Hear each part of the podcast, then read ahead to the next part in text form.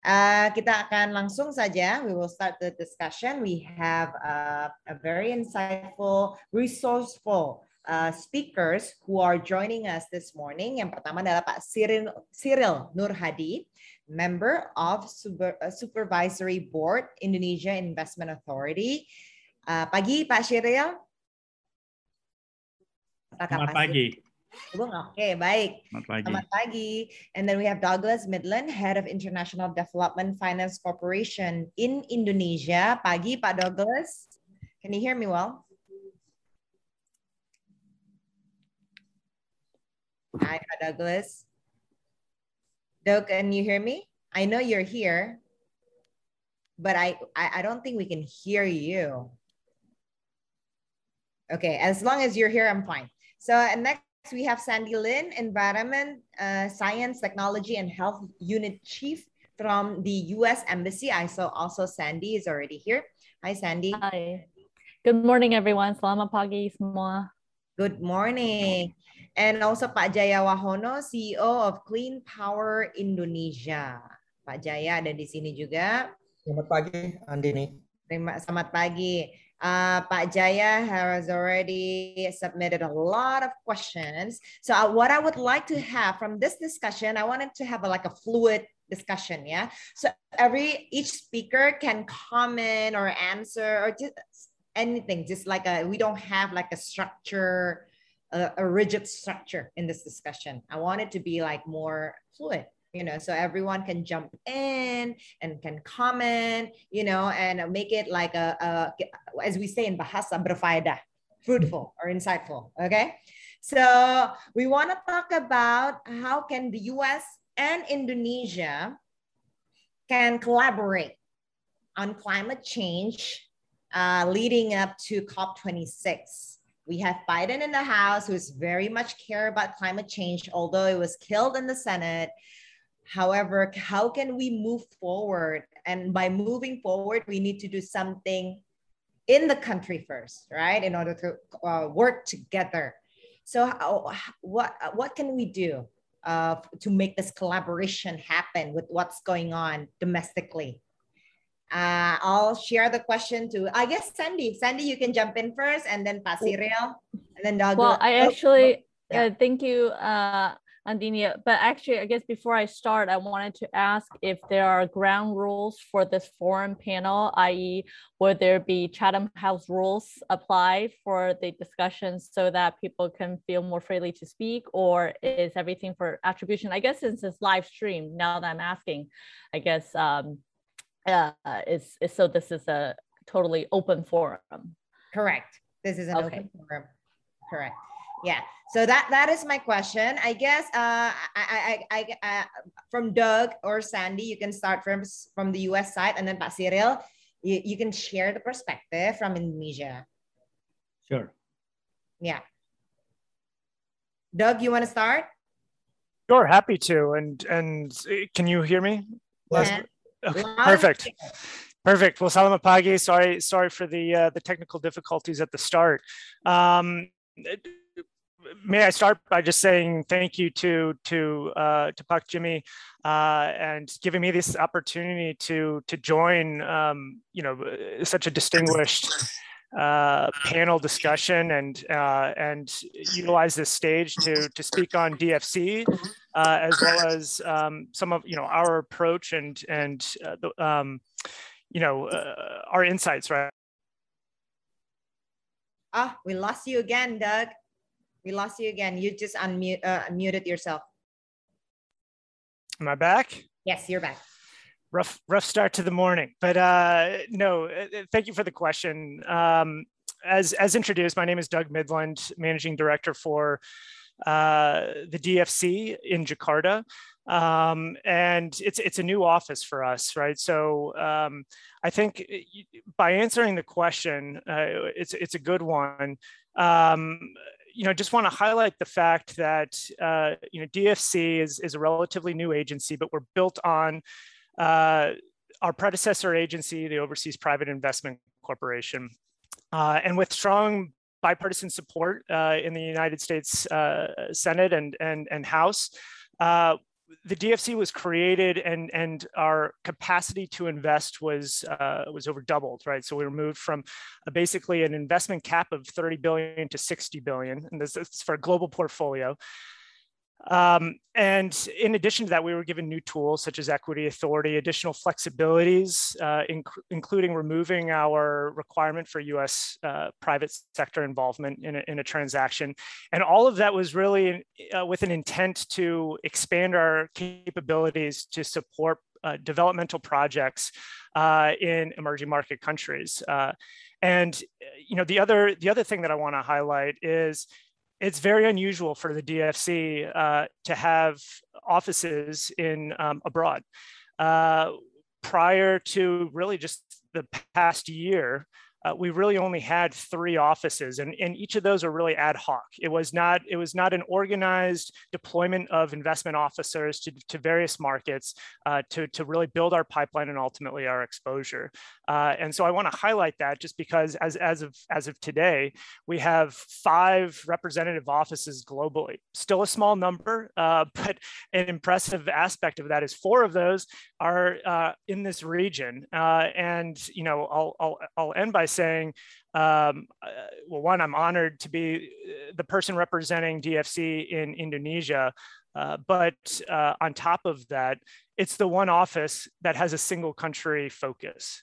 Uh, that is representative of the, the opportunities to support investment uh, in Indonesia and its and its recognition of the size of the economy uh, and uh, and the fact that you know DFC is is committed to uh, building a pipeline of of impressive projects here in Indonesia, uh, and ultimately our exposure. Um, maybe before I pass the mic over, some of my, my on, on the panel today, um, just want to provide a you know a, quick snapshot of, of, of our approach. And for those of you that that don't know who D is, where, where the US government's development bank. So uh, support projects that um, are commercially viable and adhere to international standards on environmental, social impact, and worker rights. So, um, you know, we can touch on climate change, you know, uh, you know, on, on, subsequent questions, and uh, you know, as as as a as a development bank uh, and and and policy driven uh, climate change is, is, is at the heart of our approach in terms of business development and how we're approaching uh, support for projects in Indonesia. I'll, I'll hand over the mic for right now. I've probably taken up too much time, but but thank you for having me. Sandy, how can we collaborate on yeah, climate uh, change? Uh, thank you. Thank you for um, I wanted to um, this is a great question to start. And um, I think to echo what Doug said, um, it cannot be emphasized enough how important Indonesia is as a country for the United States when it comes to partnership in climate and climate finance. Just like how Doug said that Indonesia is the uh, sole country that has a single country representative for the DFC, Indonesia is also, until now, the only country in which the United States has established a formal bilateral climate change working group. And this was started um, uh, in early 2021 uh, of this year. So here in the in Indonesia um, and um, and the government of Indonesia, we have established a formal bilateral U.S. Indonesia climate change working group. On the United States side, it is headed up by our uh, Deputy Special Presidential Envoy for Climate Change, uh, Jonathan Pershing, and on the Indonesian side um, is Vice Foreman Mahendra Siregar. And so this, this is our representation of how we are intensively together. These are collect. We have four task forces that were established uh, that are organized around key climate change issues. The first being um, greenhouse gas emissions reduction. Uh, the second task force is for uh, system and land use and, and, marine. The third is focused on uh, renewable energy transition. And the fourth task force is on climate finance. And so through our, and so these task working met regularly throughout at a high level throughout the year to discuss how we can move um, together the climate ambitions. And so, and in, in doing so, our close partnership within the bilateral climate working group and task force has been a key element in building trust and rapport with uh, the government of Indonesia. And we have uh, seen positive movement forward. I know uh, Doug and others on the line have participated uh, in task force meetings um, throughout the year and so um, and and not and and then i also just want to add in addition to this um, uh, formal bilateral uh, working group that was established this year even well before and now i'm talking going back 10 plus year the us have always been here and working and cooperating with Indonesia on climate. Uh, for example, through our partnership with the Tropical Forest Conservation Act program, we have successfully worked together uh, over the last 10, 15 years on protection and conservation of forests and biodiversity in Indonesia, specifically um, in Sumatra and Kalimantan. So uh, so yeah, so it is the the cooperation on climate uh, and environment has always been there. I think with the renewed focus, um, with you know um, the Biden administration, we have now thought to formalize it around a formal okay. structure. Okay, for now. how can we double up that size of cooperation? I guess between Indonesia. Very good. Uh, Thank you, Andini, for the opportunity. I guess a uh, very good question to start on in how to actually collaborate for the climate change and double it up actually. Uh, let me start with, of course, you know, congratulate the alumnus for, you know, the new energetic and dynamic, uh, you know, organizing committee appointed in this April and, you know, this very good, active and uh, since April this year. So I think that's really good. Congratulations. And of course, congratulations for this 40th uh, alumni and, and for the event today. So thank you for inviting me as well in this, you know, uh, very interesting panel discussion on the topic actually Road to COP26 Glasgow. Now, I think it's also good to have the opening speech was given uh, by His Excellency Mr. Uh, Rosan, uh, the ambassador, and of course Pak Suahasil, the Vice Minister of Finance, that gives a clarity of what Indonesian government has done. In fact, uh, now of course there are several milestones here. If we look at 2030 milestone, 2045 milestone for our 100 year independence for Indonesia, but also 2060 that, you know, net zero uh, carbon emission. Now, uh, what context I would uh, say as the supervisory board of Indonesia Investment Authority, now the question is what's INA? Because of INA, Indonesian Investment Authority is a new organization. I would start maybe five minutes about talking about INA. INA is actually sovereign wealth fund of Indonesia version. The sovereign wealth fund that was set up by law, the omnibus law in 2020 that was you know promulgated by the government of Indonesia of the law, there are chapter 10 establishing INA, the Sovereign Wealth Fund of Indonesia, that actually to attract the foreign investment into Indonesia. Maybe the question why is there is a need of sovereign wealth fund, Indonesian version. And there are a couple problems or issues as the starting point.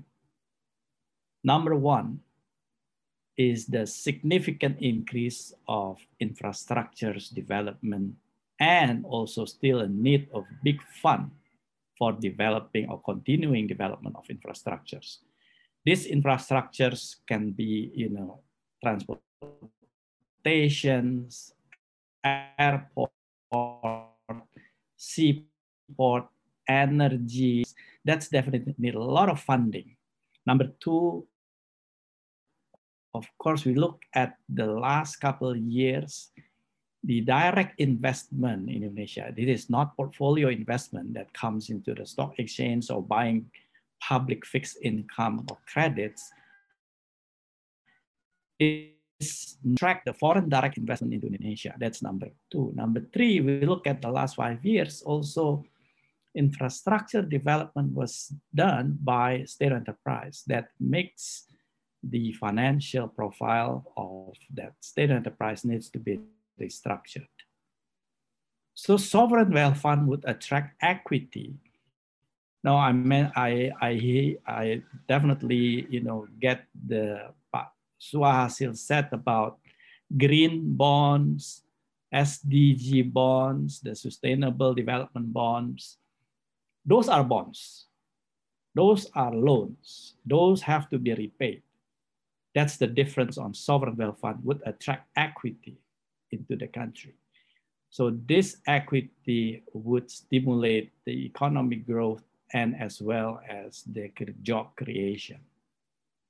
Now, the question is, what would be the sector for INA to invest alongside with foreign investment or foreign investors? In this case, could be institution definitely. Uh, there are areas where let's say energy, renewable energy, are area where international investors would like to invest in renewable energy and Indonesia have the largest geothermal potential. So that's one of the examples.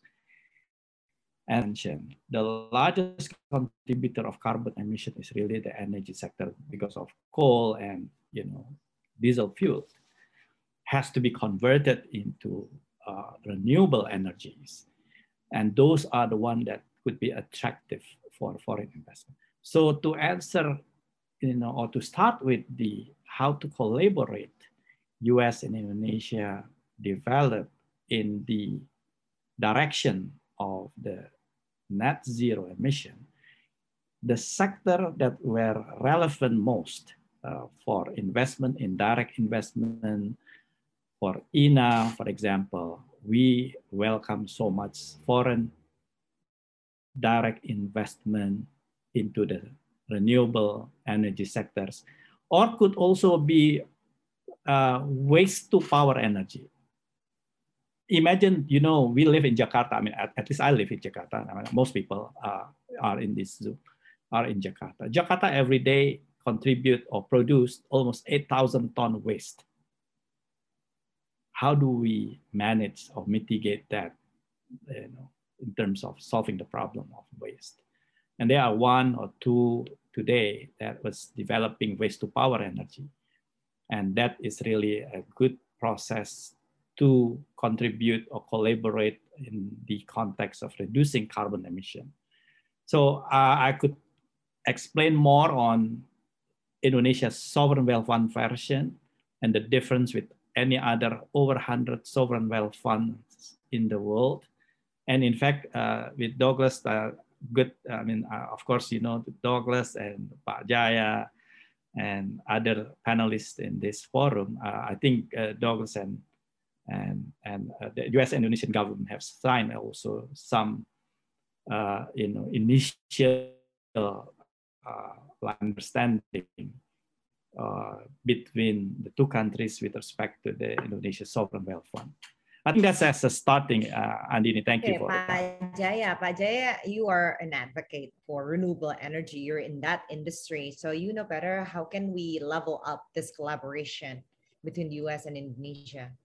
Yeah, I'd love to uh, answer that. Uh, thank you, Andini. Uh, thank you, uh, Chief Jimmy, uh, for giving us the opportunity uh, today. Um, I congratulate uh, alumnus, uh, fellow alumnation under uh, Chief J Jimmy leadership that we are now not only or well we are now organizing webinar but what we are aiming actually is to be a mover and shaker of this country towards uh, uh, net zero carbon 2060 which is uh, that's our target so where um, I'm coming from private sector, so I'm not um, um, uh, a government officials. Uh, I never worked for the government, um, uh, so you can uh, say that I'm a non-state actor. I work on the ground. I, I, meet people on the ground uh, about the, the, uh, the, problem, challenges, opportunity that exists on the ground, not only in uh, Jakarta or even in Java Island, but also in remote island all over Indonesia. my first project is in the Mentawai Island off, off the coast of West Sumatra. Uh, we got um, a, a, big support from U.S. government on that project through the MCC. Thank you very much, uh, uh, Ms. Lin uh, and Doug, uh, representing the U.S. taxpayer, of helping us with the uh, grant for that project, which actually replacing diesel gensets with 100% renewable energy. so that project has been inaugurated by Minister of Development Agency, uh, Bappenas, back in 2019. So um, the private sector in Indonesia has huge challenge here. Uh, not only about the funding, uh, but also technology. So this is US, uh, European countries, Japan, and other countries all over the world to see um, and share not only the uh, technology but also the, the knowledge on how to develop uh, uh, this renewable energy that not only that it will transition from fossil fuel to uh, clean energy but also how we are going to grow the economic and uh, uh, and prosperity on the ground because we are still a developing country. uh, as you know, um, our uh, electricity consumption per capita is only about 1,000 kilowatt hour per year. United States around 8,000. So uh, we are one eighth. And then and even compared to our neighboring countries like uh, uh, Malaysia, Thailand, uh, we don't even compare to Vietnam. We're still lag behind. Uh, Vietnam is about 2,000 kilowatt hour per capita per year. So what does it mean? It means that we're still having um, a, a, lot to catch up.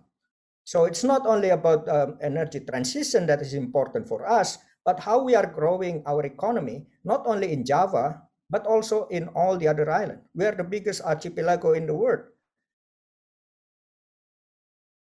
Uh, we cannot just uh, copy and paste the we have to build our own model and help convince uh, other countries uh, to uh, uh, to bring in the funding, to bring in the technology, to bring in the knowledge, uh, so we can combine together all our effort and and and build our own model and and grow from that. So I think that's important. the private sector here in Indonesia is struggling uh, because uh, uh, it's it's it's different than other country here in Indonesia, you cannot separate the state from all the, the uh, electricity sector, uh, forestry, and uh, other land use, or we call it FOLU uh, sector, uh, because uh, the state control a lot of things. Like PLN has monopoly in Indonesia. So anywhere in Indonesia, you have to buy electricity from PLN.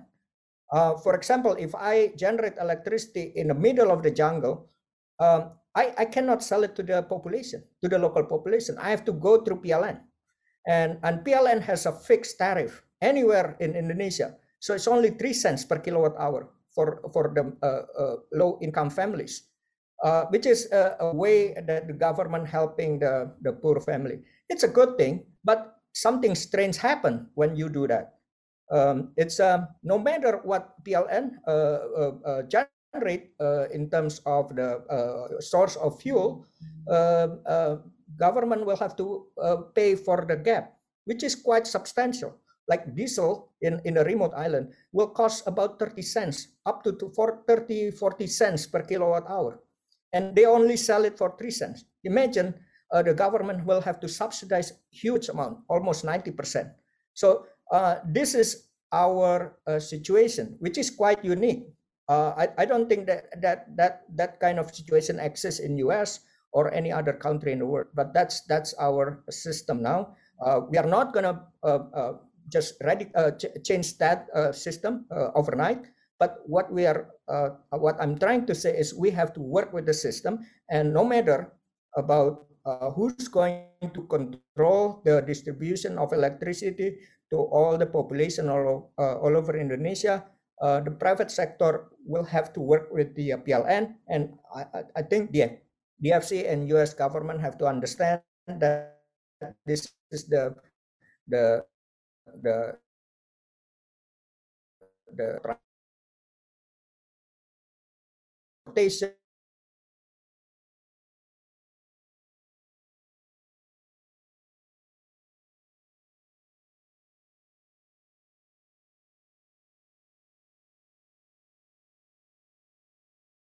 buildings and everything. It's not it's not enough just private sector uh, getting the the the uh, to take up that challenge. And and and uh, PLN just announced uh, recently that they would like to uh, replace 2000 megawatt of diesel gensets all over Indonesia with um, uh, local renewable energy sources. That's require about 6 billion 6 billion um, uh, five to six billion dollar of new investment. Um, of course, it, it cannot come from Indonesia. I mean, the private sector in Indonesia, without the support of international finance uh, community, uh, won't make it happen. Uh, that's but the 2,000 megawatt of diesel genset replacement is only small part um, I, I, if we are going to catch up with other country to, uh, yeah. to achieve uh, 4,000 kilowatt hour per capita, we might need 10,000 megawatt of diesel genset replacement. Mm-hmm. Okay, I'll pass on to you, Doug and Sandy. Perfect. Um, I agree with with with everything that just that Pak Jaya is is is, is mentioning, and just to put put some additional co context or, or color into it, right? Um, a couple studies, right, that that that catch my eye. One is uh, IRENA's. Uh, um, uh, you know, there's a lot of figures out there, but IRENA puts it as Southeast Asia uh, require 75 billion annually in um, through 2050 uh, in clean energy investment alone, right? Uh, uh just to um, uh, and that that's that's in power generation as well as transmission and distribution which you know i don't want to to overcomplicate the, the conversation but that is another area where um, uh, a lot of support is needed. It's not just on generation and, and transi- transitioning you know uh, from uh, from fossil fuels to and, and, to renewables but a lot of investment needs to go in actually how you manage and, and distribute that power efficiently and effectively um, you know, the the other the other kind of key data point that uh, you know helps helps guide our strategy, you know, the Climate Policy Initiative recently put out a, a helpful paper just on the global landscape of climate finance. Uh, and there are both positive and, and negative trends in there, right? One is uh, a significant amount of money. I think it reached uh, over 600 billion uh, alone in 2020 uh, when uh, of, of, investment. That's both public and private uh, going towards climate finance, and that's significant growth. Uh, but actually, growth has actually slowed uh, in the past uh, year. Where we're seeing some positives in terms of breaking that number apart is, um, is, is is when you kind of break that down between mitigation and adaptation, and this is key to DFC's strategy globally and and in um, in particular in Indonesia. DFC has supported mitigating uh, climate uh, investments for, for quite a while. And what do I mean by that? Uh, projects roughly that, that help reduce emissions. So uh, uh, renewable power is a perfect example of that. Uh, but we are seeing, um, you know, some uh, maturity in that market and a greater participation of the private sector uh, in investing in renewable energy. Um, so while the DFC will continue to support renewable energy and projects uh, such as, as, those being spearheaded by Pak Jaya and others, uh, um, we're also very focused on adaptation. So uh, how are we, you know, um, providing financing and helping catalyze the private sector participation in projects uh, that uh, make Indonesia more resilient to the anticipated effects of climate change.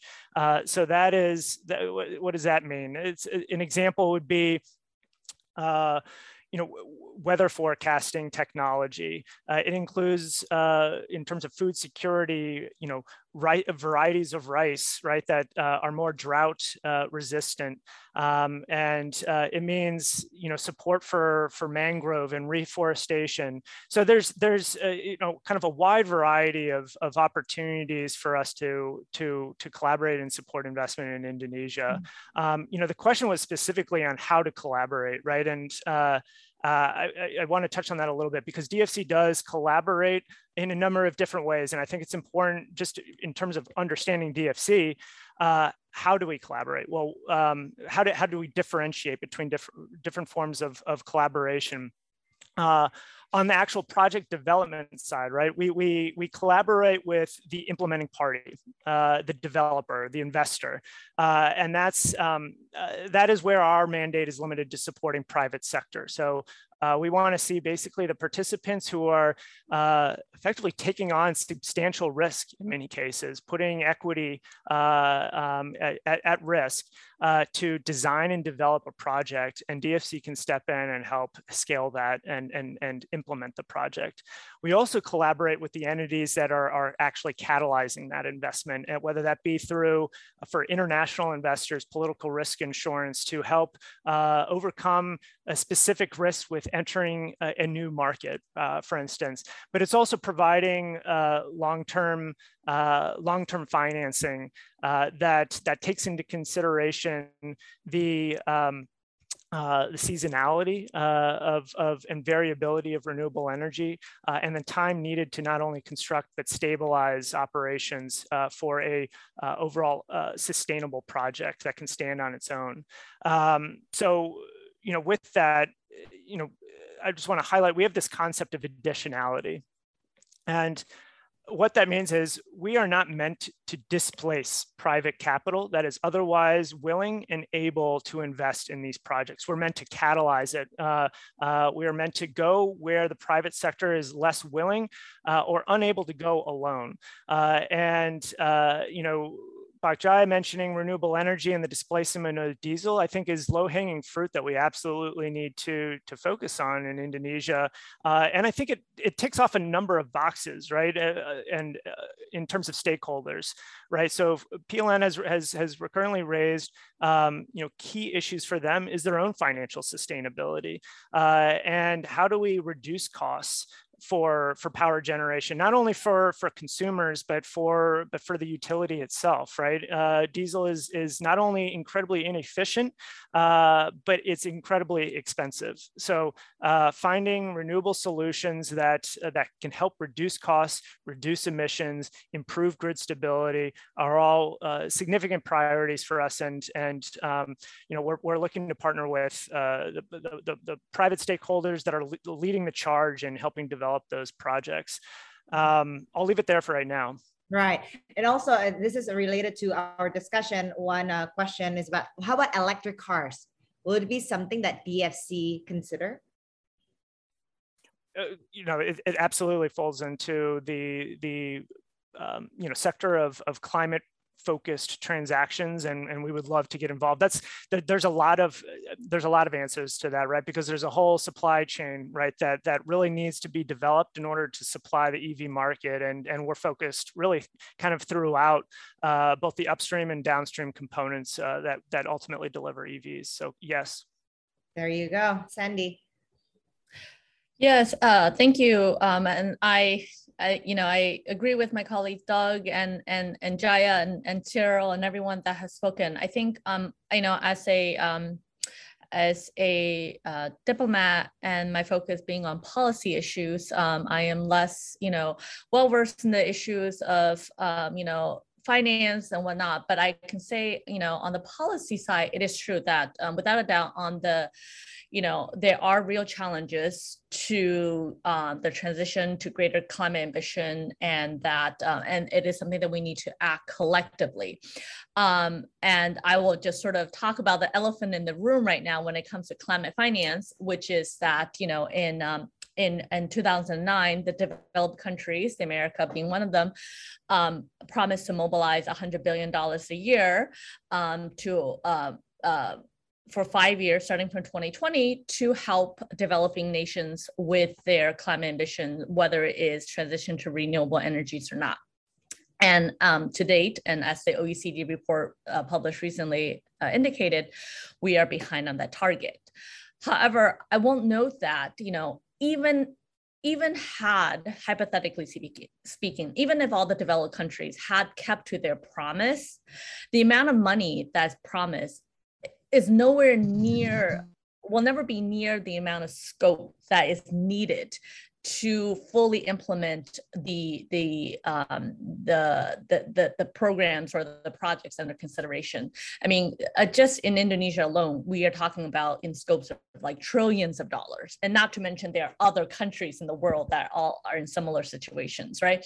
So there is no way that uh, uh, you know just depending on um, public sector multilateral uh, funds, it will be enough to um, to meet the needs of whether it's in transition in Indonesia or other countries.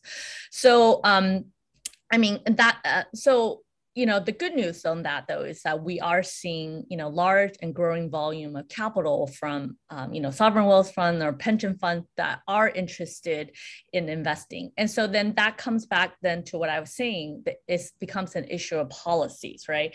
Private capital is going to go after where they can um, you know make the money and get the best return for their investment. And so what that means is that uh, countries um, will need to have the best policies in place to attract the private capital, right? Countries all over the world that are in uh, the situation will be um, that have the best policy, whether, and it's not just policy related to environment. We're now talking about sort of whole of government, whether it is, um, you know, a rule of law, uh, uh, uh, corporate tax rates, whether we're talking about bankruptcy laws or investment policy, corruptions, those are the things that private investors look to um, when they're deciding where they're going to put the money. And so countries that have those in place um, are in the best suited positions. And so, you know, um, and and then so like specifically coming back to Indonesia, I know um, I think it was a really good um, positive movement that uh, I think it was a couple weeks ago or last month that um, you know the PLN issued its RUPTL, which sets out sort of the 10-year outlook on where it wants to go, and that provides uh, a comfort level and security and stability for investors, but also, you know, things that are still out there that could be done um, would be the presidential decree on renewable energy and the renewable energy law. And so getting those published will help provide further clarity uh, for investors on what type of renewable projects that would be most profitable for them. So those are the kind of issue that from a policy perspective that we engage on and push for. Over. Okay. So help us to understand better, Sandy, uh, since as an outsider of the uh, US politics, you mentioned policies. And also, uh, uh, what I'm very curious about with what's going on domestically in the US, uh, can it also be translated that you will have a different approach when it comes to like partnerships, collaborations, when it comes to fighting uh, uh, climate change with other countries? Because domestically it's sort of like it's it's dead right? So how how how will be the approach be uh, internationally?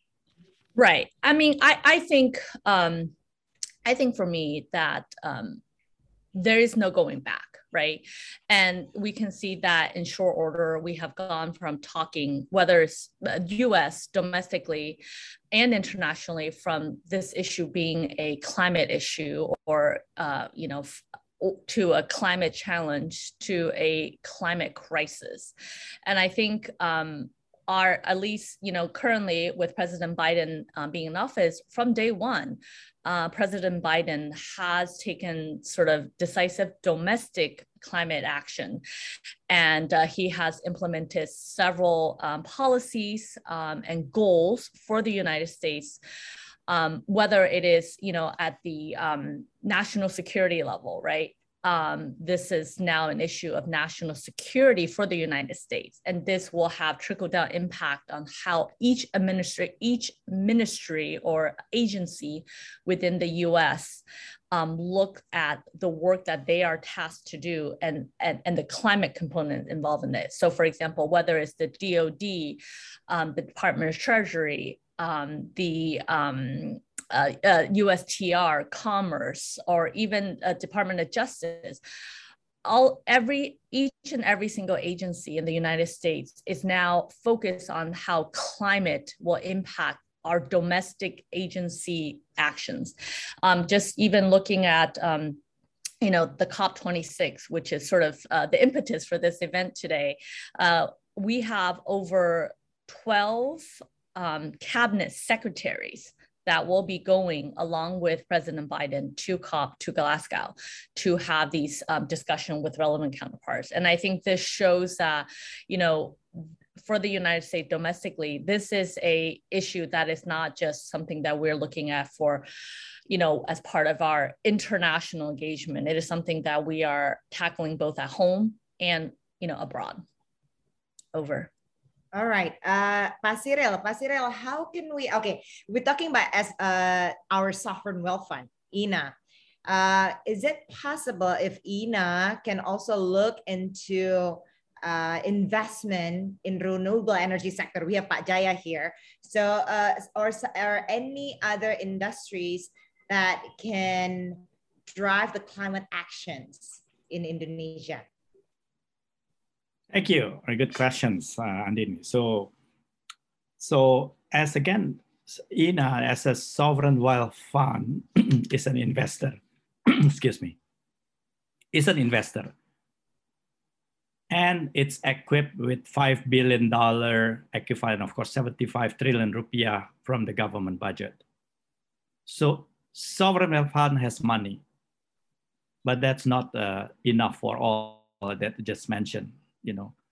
So we need to co-invest alongside with international investors for developing Indonesia renewable energy or any other needs. So the idea, the model is that international investor, let's say, invest in Indonesia for developing renewable energy power plant. Let's take a hypothetical situation. And that has a purchasing power agreement for 25 years or 30 years. The question is asked by the international investors, who, whom am I partnering with for 30 years? Will my partner be still there? I mean, uh, so that's the question. And the existence, the presence of sovereign wealth fund Indonesia version would actually co-invest alongside with them to stay alongside with for 30 years. So that's the idea. So there is a comfort level from international perspective for developing infrastructures. Toll road, for example, could be 40 years and 50 years. So, and the type of in fund is equity. It's not a loan. It's not bonds. It's not credits. It's equity. So the nature is different.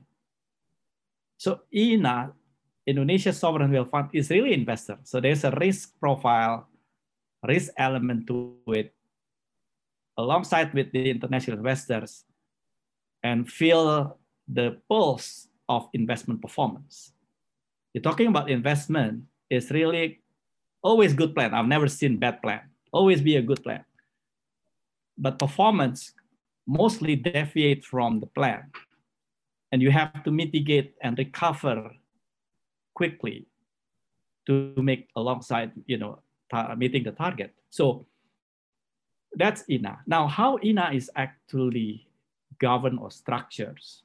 In the law, it's very clear. There are two board system: The board supervisory where I'm in with the other three independent professionals, and the other two are chaired by actually by Minister of Finance. And the other one is Minister of State Enterprise. So the member of supervisory board of INA there are five members, chaired by Minister of Finance, and there is a Minister of State Enterprise, and three independent professionals from private sectors. So that's the supervisory board, just setting up the policy and governance and setting up the rule, including appointing the directors. Director comes from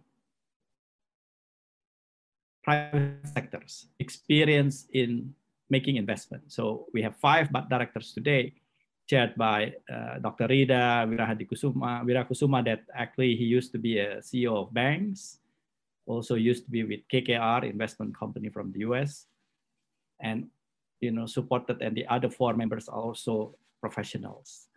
And to select the investment and partners. So Doug mentioned about you know investor from the US, for example we could explore some international investors, like responding the first question, how to collaborate. Look at international, look at US investors who would like to explore the renewable energy in Indonesia. Let's say Jaya, this give an example on you know the island, uh, but the size, uh, let's say the uh, the size could be bigger, the scale could be bigger, investment ticket size could be bigger, but of course, the challenge, as you said, uh, Jaya, the tariff is, is standardized nationwide, except there are certain region like Batam or East Kalimantan, you know, there's certain area that can set their own tariff. But of course, the question whether the renewable cost structure with some tariff set would still be able to pay by PLN budget and you know the whole finance, uh, and financial capability. So that's, of course, another gap uh, uh, has to be considered very well. And the question, to what extent the government also in this case mix with the international investors, mix with this Indonesia sovereign wealth fund, mix with maybe impact fund that would like to see some impact development on certain areas that targeting a, a little bit lower rate of return because equity investor would expect a return, right? But a lower, lower, lower rate of return, uh, not a private equity one that targeting 25% rate of return per year. Uh, so that could be a mix equity funding, as Pak Jaya mentioned, how to actually fix one of the problem on financing. Technology comes maybe from international investor that mostly Europe could also be very, you know, advanced on that part. Of course, US as well. Uh, so I think that would increase the capability and the starting point to collaborate is really attract foreign investor. In this case, US, like, you know, of, of course, Doug and Sandy have access and good contact with the US investors and inform them there are, you know, huge opportunity.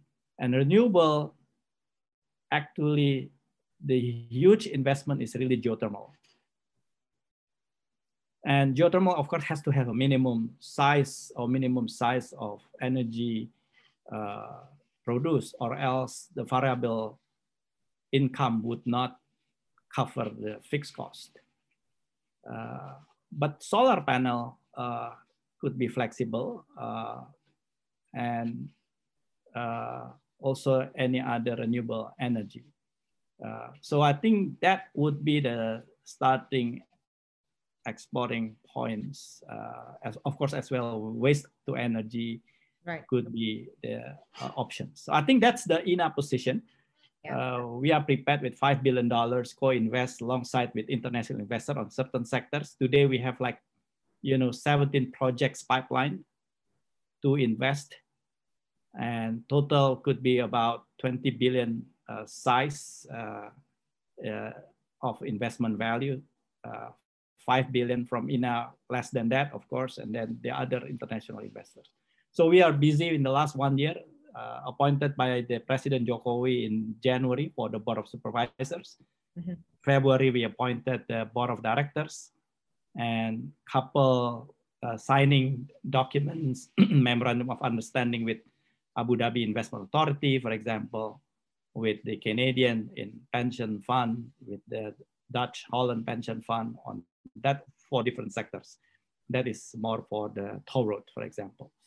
So there are toll roads, there are seaports, container, there are airports, uh, there are healthcare uh, in terms of hospital as well as uh, drugs, pharmaceutical products.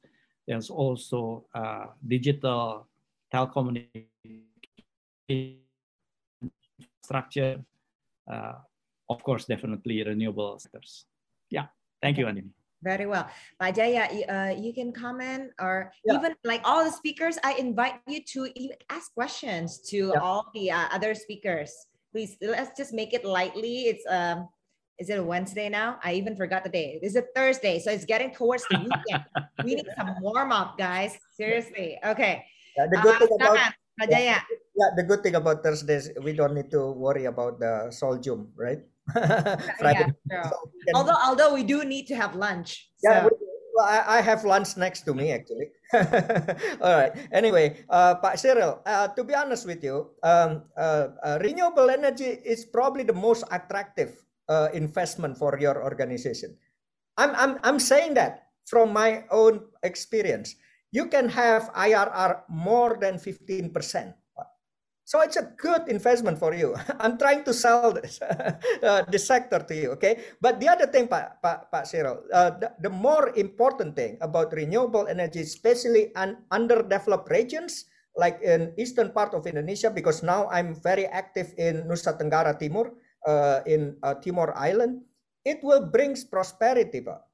Uh, the economic rate of return. So there's IRR that's good for us for the private sector and in uh, and in the sector and, and financial bankings. But the, the the community, we are starting with a very low income community. Some of their um, uh, uh, electricity consumption is less than 200 kilowatt hour per capita per year. That's about the level of sub-Saharan African countries, Pak. Okay, so we are targeting people who doesn't have all the modernization that we are enjoying here. They don't have Zoom. They don't have even a smartphone. They don't have uh, all the convenience we have because they don't have electricity like we do. Uh, so 200 kilowatt hour per capita, that's uh, um, uh that's only about uh, for, for lighting. So what we need to to to to, to work together and also with uh, our co uh, uh, uh cooperation partner here in, in United States uh, DFC, USAID, MCC, US uh, United States government is to target projects that have multiplier effect. It's not only about IRR that we are focusing on. It's about economic rate of return also and about greenhouse gas emission reduction if we help restore the land that is critical without our project, then it's a good thing. It's a bonus. Then we have to, to think about beyond just energy transition. We have to think about economic prosperity for all the locals. We have to think about how we absorb carbon from the atmosphere. And we have plenty of methods to do that. We can reforest the land, we can restore the, the land, we can uh, uh, grow mangrove, we can grow sea grasses all over uh, Indonesia. So Pak Jaya, you're saying that we need to see the long-term effect. Only, uh, uh, Andini, what I'm saying is that renewable energy can be more than just energy transition itself. It can be economic drivers for the locals. So we don't need to, to take money from our state budget to, to, to, to uh, alleviate poverty. If many of diesel gensets all over Indonesia is replaced with uh, renewable energy. Uh, my method is to combine all the renewable energy, not just biomass, but also biomass combined with solar, combined with wind, combined with hydro. Uh, we use what is uh, the, the, the, the biggest potential for that location. We are, we are working with the nature. We are not working against the nature. We are working with the nature. Um, private sector understand that um, uh, how to combine all the factors, not just thinking about the project, but also the impact to the locals, the impacts to the economy, the impacts to the environment protection. So, so I think this is something that the um, um, uh, we would like to to promote more uh, in Glasgow. I'm going to Glasgow, by the way, tomorrow. But um, uh, I hope I, I can meet uh, the U.S. Uh, counterpart uh, while I'm in Glasgow because I'm we're doing a session in Pavilion Indonesia on the uh, November 3rd, uh, we will be with the uh, CEO PLN in our session and also Deputy Minister, Coordinating Minister of Maritime will be there. Professor Bambang Brojo will give keynote because Bambang Brojo is now a commissioner of Toba Bara, the big one of the biggest um, uh, uh, uh, power plant developer company in Indonesia. Uh, and what we are going to discuss there is that Indonesia is quite unique. You cannot bring in the model from other countries and impose to Indonesia. Indonesia has their own uh, challenges, it has own uh, opportunity. And we are discussing about that. And then yeah. the second session is I will be speaking also in the Global Landscape Forum. Um, I probably the only uh, Indonesian delegate in the Global Landscape Forum that's uh, uh, uh organized by CIFOR, Center for International Forestry Research. What right. we are promoting is about growing bamboo and other type of plant uh, to help absorb carbon. So we can get the money from the carbon offset, not only from the government, but also corporations corporations all over the world, Microsoft, Google, uh, uh, other other companies need uh, carbon offset, and we can provide that. Thank you. Yeah. I follow one? Uh, actually, go ahead, go ahead. Just to go highlight a, a Pak has been pitching to you and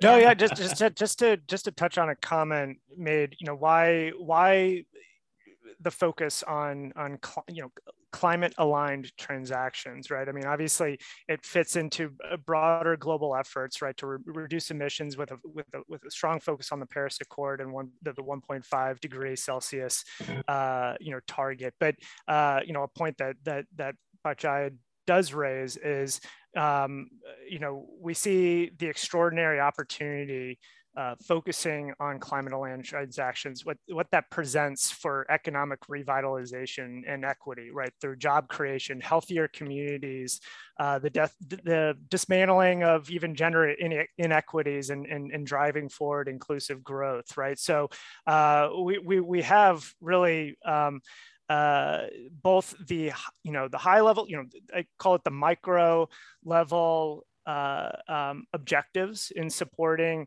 uh, attractive investments that, that hit key targets for the country and, and for some of these broader uh, climate aligned objectives, right? But, uh, but, but in parallel with that is, is, uh, is recognition of the knock-on effects uh, that these projects have on local communities and ultimately for broader economic growth.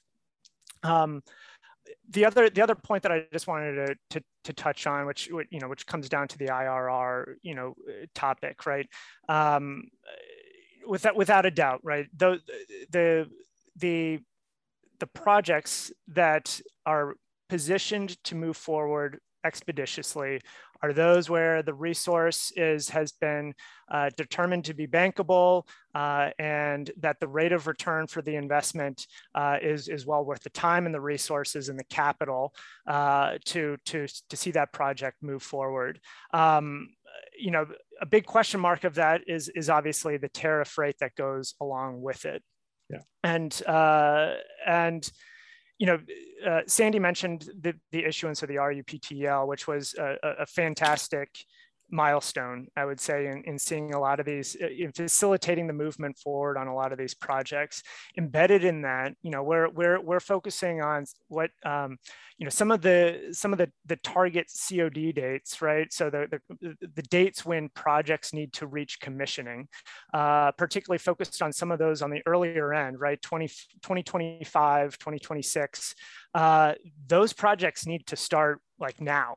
Uh, and, and there are a lot of shovel ready projects that are ready to move forward. And so we are very focused on how the, the projects identify, how the capacity identified in the RUPTL is now procured out to the investors that have already put capital at risk uh, in, in identifying the resource, uh, um, identifying land, uh, and, and like I said, uh, getting projects to basically shovel ready status where all they are waiting on is the award and the, the ability to negotiate the PPA and ultimately the tariff rate with, with, with PLN. So that's, that's where we're very focused. As we look further east uh, uh, on in, into some of these communities that, that Pak is, is, is raising, I think we need to be realistic with the fact that um, there's going to be need to be support, both state provided uh, uh, as well as through philanthropic organizations in closing the gap between the levelized cost of energy. So basically the cost to develop the project over the lifetime of the asset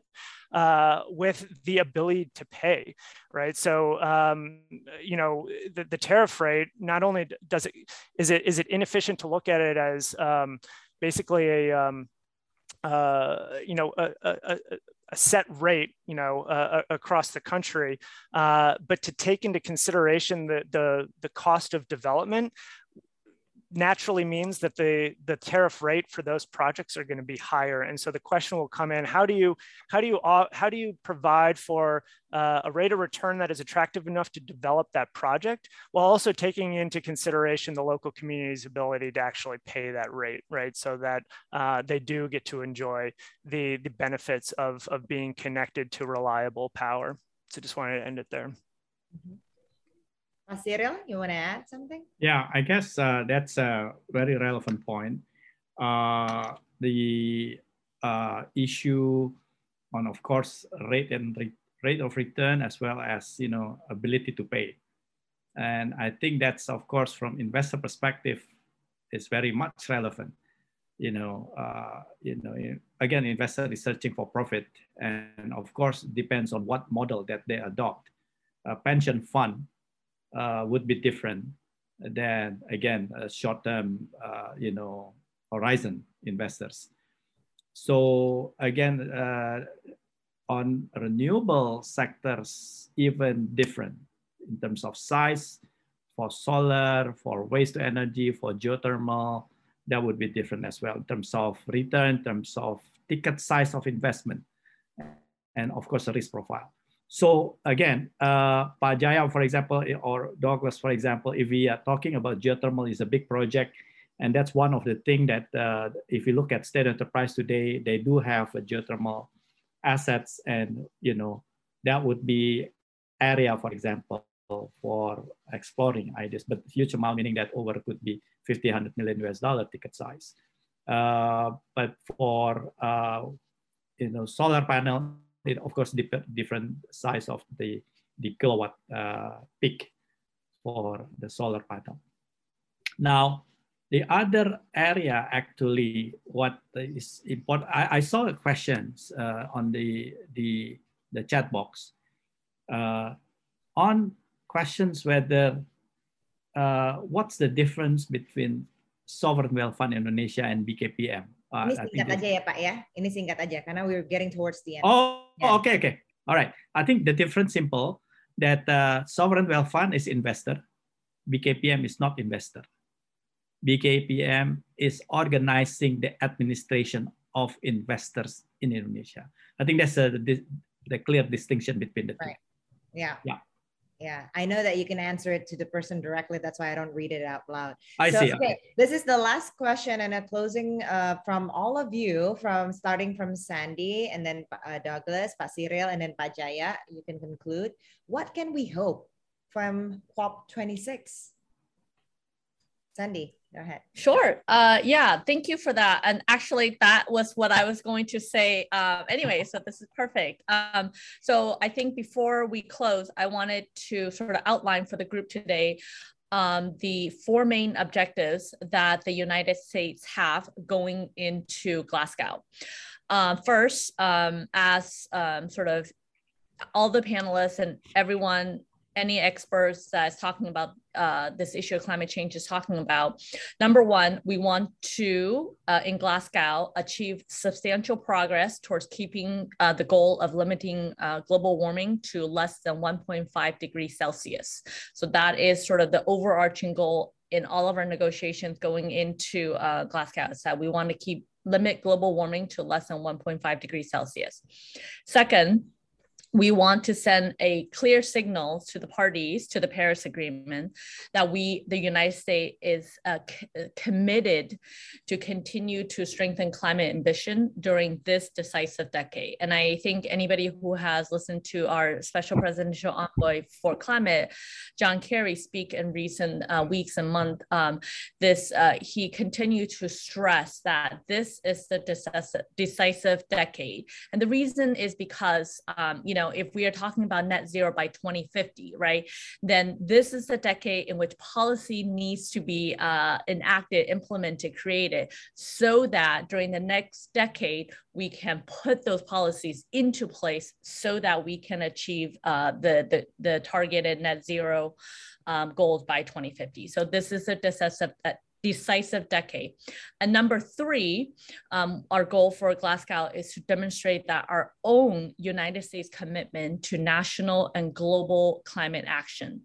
And so over the course of uh, our time in Glasgow at COP, the United States will launch a whole range of new initiatives and partnership with other countries um, and with the private sector to mobilize concrete action in key, areas, including methane, and on that note i will i need to give a shout out to the government of indonesia who was one of the first and early adopters of the um, the Global Methane Pledge, which we will formally launch uh, in COP. But President Jokowi already during the Major Economies Forum in September pledged that the um, that Indonesia will join the Global Methane Pledge. And methane, actually, for those, and I may be getting a little bit weedy, but I think this group um, probably likes that. Methane, for those you who do not know, contribute to 12.6%. So almost 13% of Indonesia's greenhouse gas emissions comes from methane. So by signing the global methane pledge, Indonesia is pledging to reduce its methane um, emissions by 30% by 2030.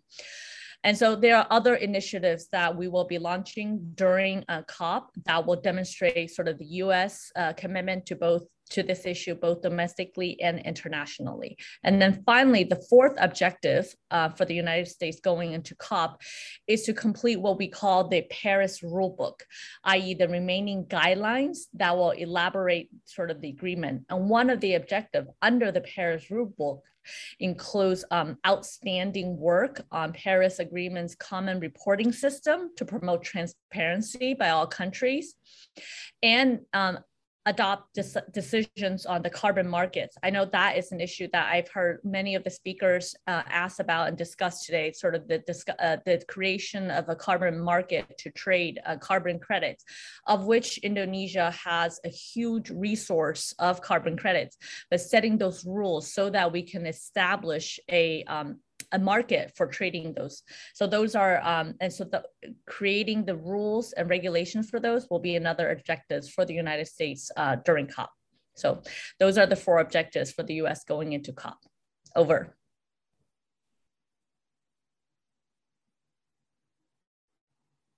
Uh, very well. Doug? Oh, Sandy put it put it well. I, I, I, not too much to add on to that, but I, you know, to, to kind of tie back to the vice minister's comments that the road doesn't end at Glasgow, right? Uh, and looking forward to uh, exciting two years ahead, both in turn in, leadership positions for Indonesia, or both at uh, at at the G20, uh, and then for ASEAN after that, right? And um, doing what DFC can can support to help showcase really uh, what what is what is possible uh, in in driving uh, sustainable development in Indonesia and working with uh, with great partners uh, like Cyril at uh, uh, and, and and the Indonesian Investment Authority. It's it's it's it's colleagues over at PT SMI. it's supporting projects like Pak Jaya and others are are, are promoting. Um, and you know, I'd like to see you know your question is coming out of it. I'd like to see you know a, a clear procurement process that helps getting some of these projects identified in the RUPTL moving. Thank you. Pak Cyril. Yeah, thank you. I guess uh, it's uh, expectation is really our PTL. It's really an effort to uh, provide the electricity uh, activities really led by PLN uh, would would indeed you know uh, be materialized and and more detailed action plan how to do it, how to deliver it. They, of course, they are based on assumptions like the growth of the electricity sales is going to be like 6.4%. For example, of course, the assumptions that going to increase the generations power like 15.4 gigawatt. Uh, but I think what most uh, important is how to reduce the coal contributing that 55% of the electricity. And expectation is the renewable energy would contribute, let's say 23 to 24% by then, you know, 2028, 2030. So how the executions to do it, where we know the renewable energy in general would have a higher cost structure and that would be an issue to mitigate and, and that's the challenging portion. Uh, despite for solar uh, renewable energy technology would drive the price down, down, except for the battery may still be a bit uh, high, but uh, other than that, uh, could be very competitive.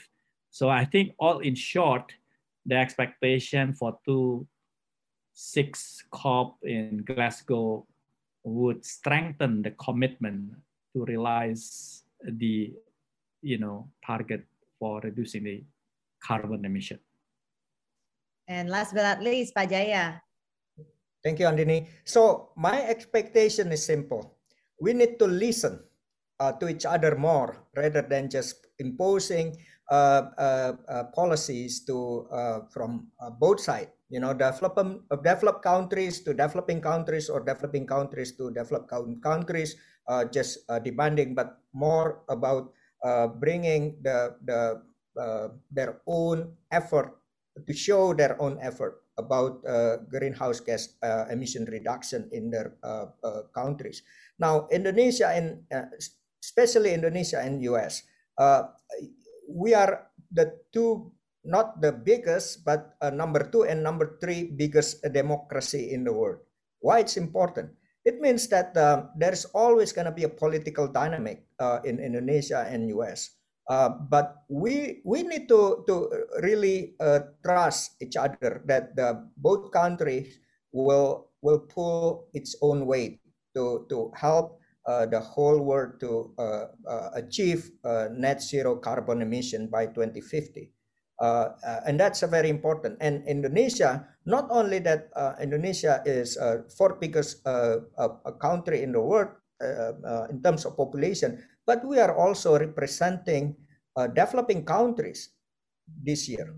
Uh, as a presidency of a, a, G20 summit will be in Indonesia. And then after that, we are also representing ASEAN.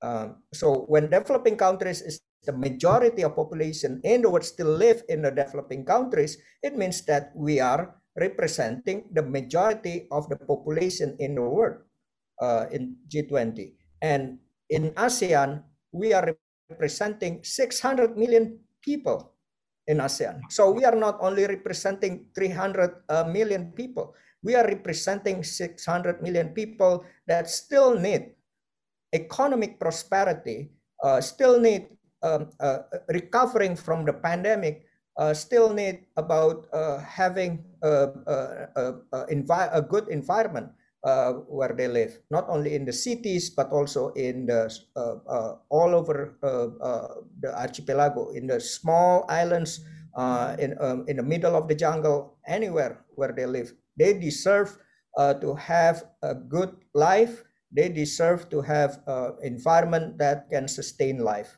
Um, so I guess uh, this COP26 will bring another um, hope because we're just coming out from pandemic. We're going to meet uh, uh, people face to face.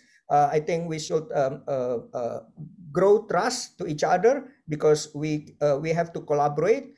we cannot. Um, no country can can solve this problem by their own. We have to collaborate, and and we need to listen more. Thank you. I like that to listen more to in, in order if we want to speak out more right so and not only we are anticipating the cop26 but we are also expecting the g20 where indonesia is the presidency and climate change will be the agenda for the upcoming g20 not only indonesia and the us but also china will be there and china is sort of the front runner now in climate change and they're also partnering up with countries such as Indonesia to to to combat climate change. So I hope the U.S. will show its strength, right, in terms of uh, partnering up with us for uh, to to combat climate change. Thank you very much to all the speakers.